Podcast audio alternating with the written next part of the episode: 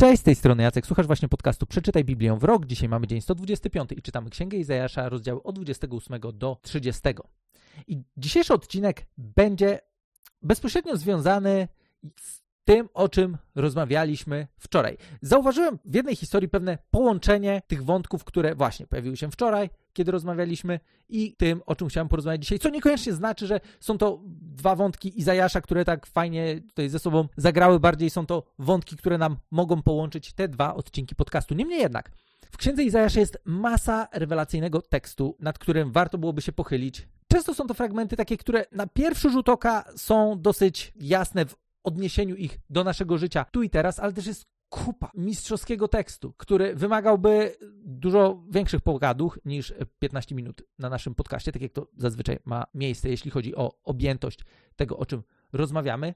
E, I chociażby dla przykładu, ci z nas, którzy być może kojarzycie Księgę Objawienia albo Apokalipsy, jak kto woli, ja osobiście lubię Objawienia, e, co zresztą jest bardziej bezpośrednim tłumaczeniem ostatniej księgi w Biblii, która w ogromnej mierze mówi też o przyszłości, która jeszcze jest przed nami. Niekoniecznie cała od początku do końca, ale w ogromnej mierze mówi nam o przyszłości, która jeszcze jest przed nami. Ma masę odniesień właśnie u Izajasza. Tak naprawdę widać bardzo wyraźnie, jak Izajasz w wielu fragmentach jest używany później w Księdze Objawienia, co jest mistrzowskie. To są tematy, nad którymi naprawdę warto byłoby się może kiedyś pochylić, e, może o nich sobie więcej porozmawiać, ale na dzisiaj, bez zmian, podcast nasz ma jeden podstawowy cel, aby ułatwić nam czytanie Biblii od początku do końca, aby Biblię przeczytać od początku do końca w ciągu jednego roku i dzięki temu odkryć, w jaki sposób jest ona w stanie odnieść się do naszego życia, w jaki sposób my dzisiaj możemy z niej skorzystać i w jaki sposób możemy czerpać z tej ponadczasowej mądrości, którą mamy zapisaną na kartach Pisma Świętego lub Biblii, jak kto woli. Mówimy o tej samej książce. I teraz chciałbym, żebyśmy dzisiaj przeczytali dosyć obszerny fragment z 30 rozdziału Księgi Izajasza, który wydaje mi się, że będzie dla nas bardzo wartościowym uzupełnieniem tego, o czym rozmawialiśmy wczoraj. I od początku 30 rozdziału Księgi Izajasza czytamy taki tekst. Przeczytam go cały, bo wydaje mi się, zresztą jak wiele tekstów u Izajasza, że one same w sobie, samym swoim brzmieniem, bez wielkiego wkręcania się w szczegóły, są w stanie dużo do nas powiedzieć.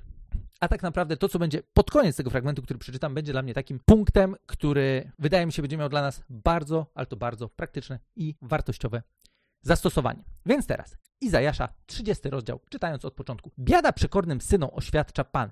Wypełniają plan, ale nie mój. Prowadzą rokowania, lecz nie w moim duchu i dodają tylko grzech do grzechu. Udają się do Egiptu bez pytania mnie o radę. Chcą uciec przed, pod ochronę Faraona i szukać schronienia w cieniu Egiptu. Lecz ta ochrona Faraona przyniesie wam tylko wstyd, a szukanie schronienia w Egipcie tylko hańbę.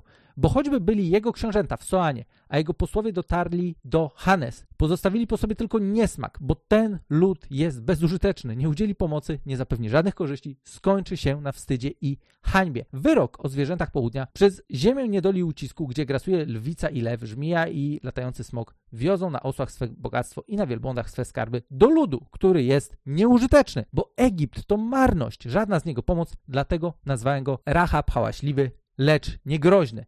Teraz idź, napisz im to na tablicy, kaligrafuj na zwoju. Niech zostanie na przyszłość jako świadectwo na wieki. Gdyż jest to lud przekorny, synowie zakłamani, dzieci, które nie chcą słuchać prawa Pana. Powiedzieli oni nawet prorokom dosyć tych widzeń widzeń. A wieszą, nie mówcie nam, co słuszne, powiedzcie coś pochlebnego, wierzcie o czymś miłym.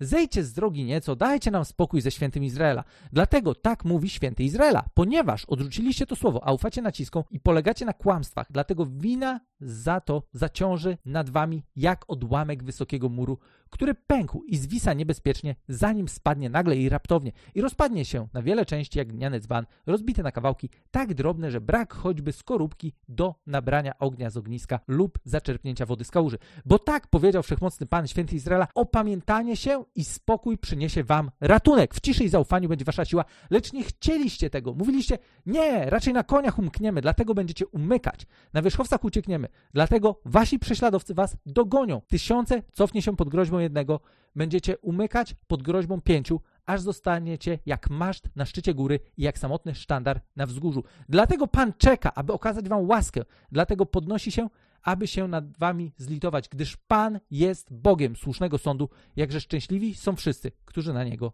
czekają. Fragment dzisiaj mamy nie zgorsza, jeśli chodzi o objętość, ale już nie chciałem go szatkować i pojedynczych wersetów tam pomijać.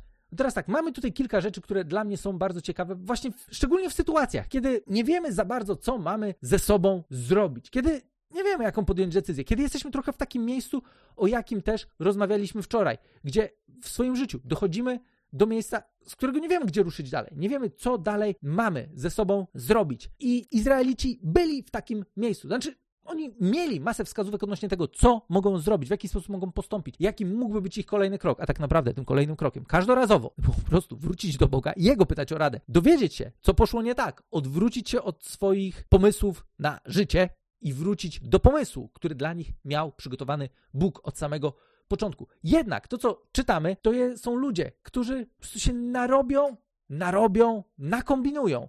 Będą szukać rady, pomocy w różnych miejscach, byle nie u Boga. I Często z nami tak jest, że kiedy jesteśmy w miejscu, z którego nie wiemy, gdzie postawić kolejny krok, w którą stronę powinniśmy ruszyć, to kombinujemy. Kombinujemy na różne sposoby, szukamy porad w najróżniejszych miejscach. I teraz nie mówię, że nie warto szukać porad, bo jak najbardziej warto szukać rad. Tutaj czytamy o ludziach, którzy poradę właśnie udawali się do Egiptu. Tak naprawdę do Egiptu, który był dla nich obrazem niewoli, obrazem upokorzenia, cierpienia, które miało tam miejsce. I nagle oni stwierdzili, że e, może oni jednak coś dla nas mają. Może będą mieli jakąś pomoc, jakieś super porady na życie. I w ogóle w tym wszystkim nie pytali o radę Boga. Tak naprawdę uciekali do źródeł, od których wcześniej musieli być uratowani, po to, żeby tam teraz próbować na nowo coś tam pokombinować, poszukać. I często, często w naszym życiu tak właśnie jest, że szukamy rady nie we właściwych miejscach, a przede wszystkim nie szukamy rady u Boga. Albo to szukanie rady u Boga często sprowadza się do tego, że wiecie,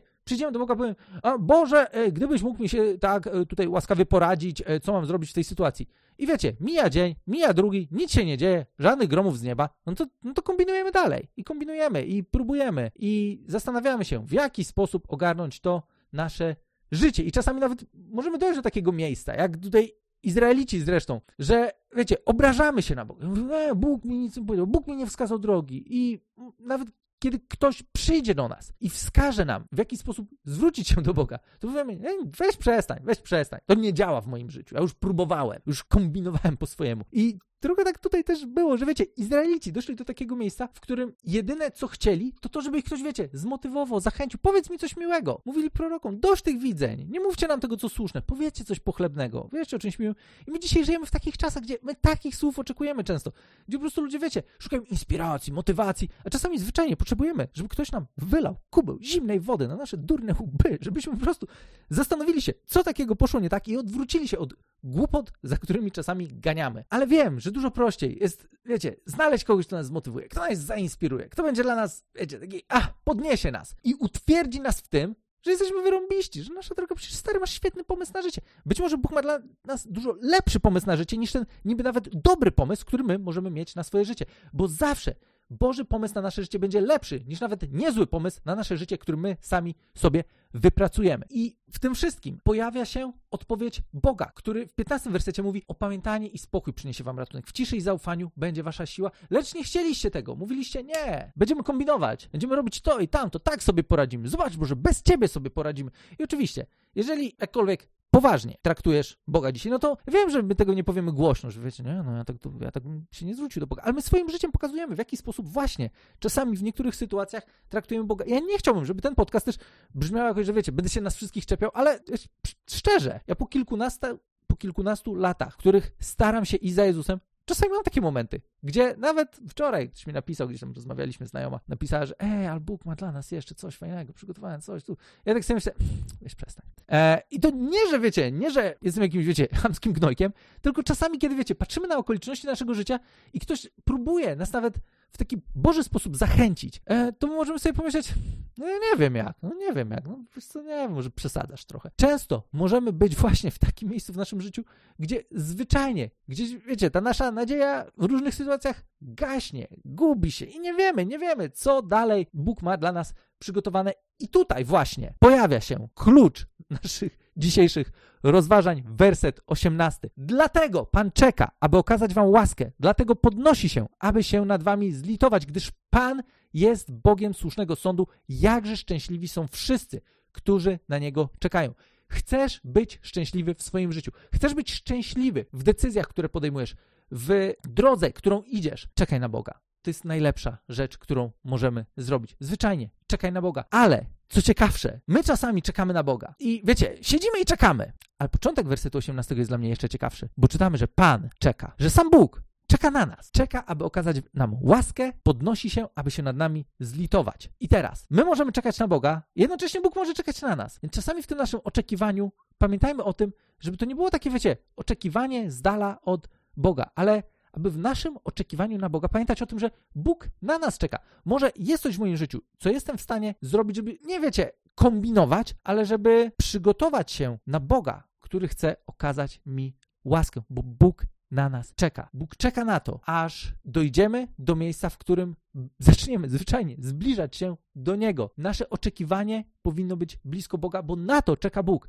Czeka na to, żebyśmy my mogli zbliżyć się do Niego, żeby zwyczajnie pokazać nam to, jak On jest dobry, żeby okazać nam swoją przychylność. Bóg czeka dzisiaj na Ciebie i na mnie. I nam często może się wydawać właśnie, że my czekamy na Boga, ale gdzie jest to nasze oczekiwanie? Czy to oczekiwanie wiąże się tylko i wyłącznie z biernością, czy to oczekiwanie jest oczekiwaniem, w ramach którego my staramy się do niego zbliżyć? Po to, żeby czekając na jego łaskę, na to, żeby on pokazał nam właściwą drogę, przygotowujemy swoje życie do tego, żeby zwyczajnie móc skorzystać z tego, co Bóg ma dla nas. Bo dobrze jest czekać na Boga, ale jeszcze lepiej jest czekać na Boga, pamiętając o tym, że Bóg czeka na nas. Czeka na właściwych ludzi z właściwą postawą serca, którym będzie mógł okazać swoją przychylność. I niech ta myśl o Bogu, który czeka na nas, czeka dzisiaj na mnie, czeka dzisiaj na ciebie, niech będzie czymś, co nie będzie jedynie fajną myślą na zasadzie, hej, fajny Bóg, czeka na mnie. Tylko co mogę zrobić, żeby do tego Boga się zbliżyć, bo On teraz czeka na mnie. Czeka na to, aż moje życie, moje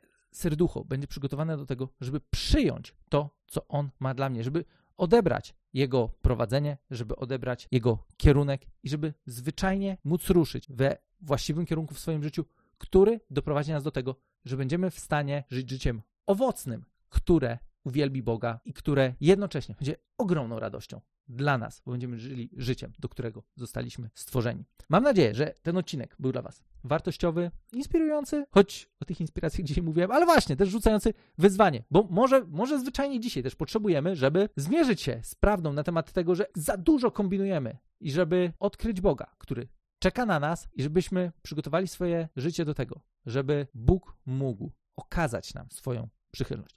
Wielkie dzięki za dzisiaj. Jeżeli macie dodatkowe pytania, wejdźcie na stronę bibliawrok.pl. Tam możemy sobie porozmawiać, podyskutować i słyszymy się już jutro w kolejnym odcinku.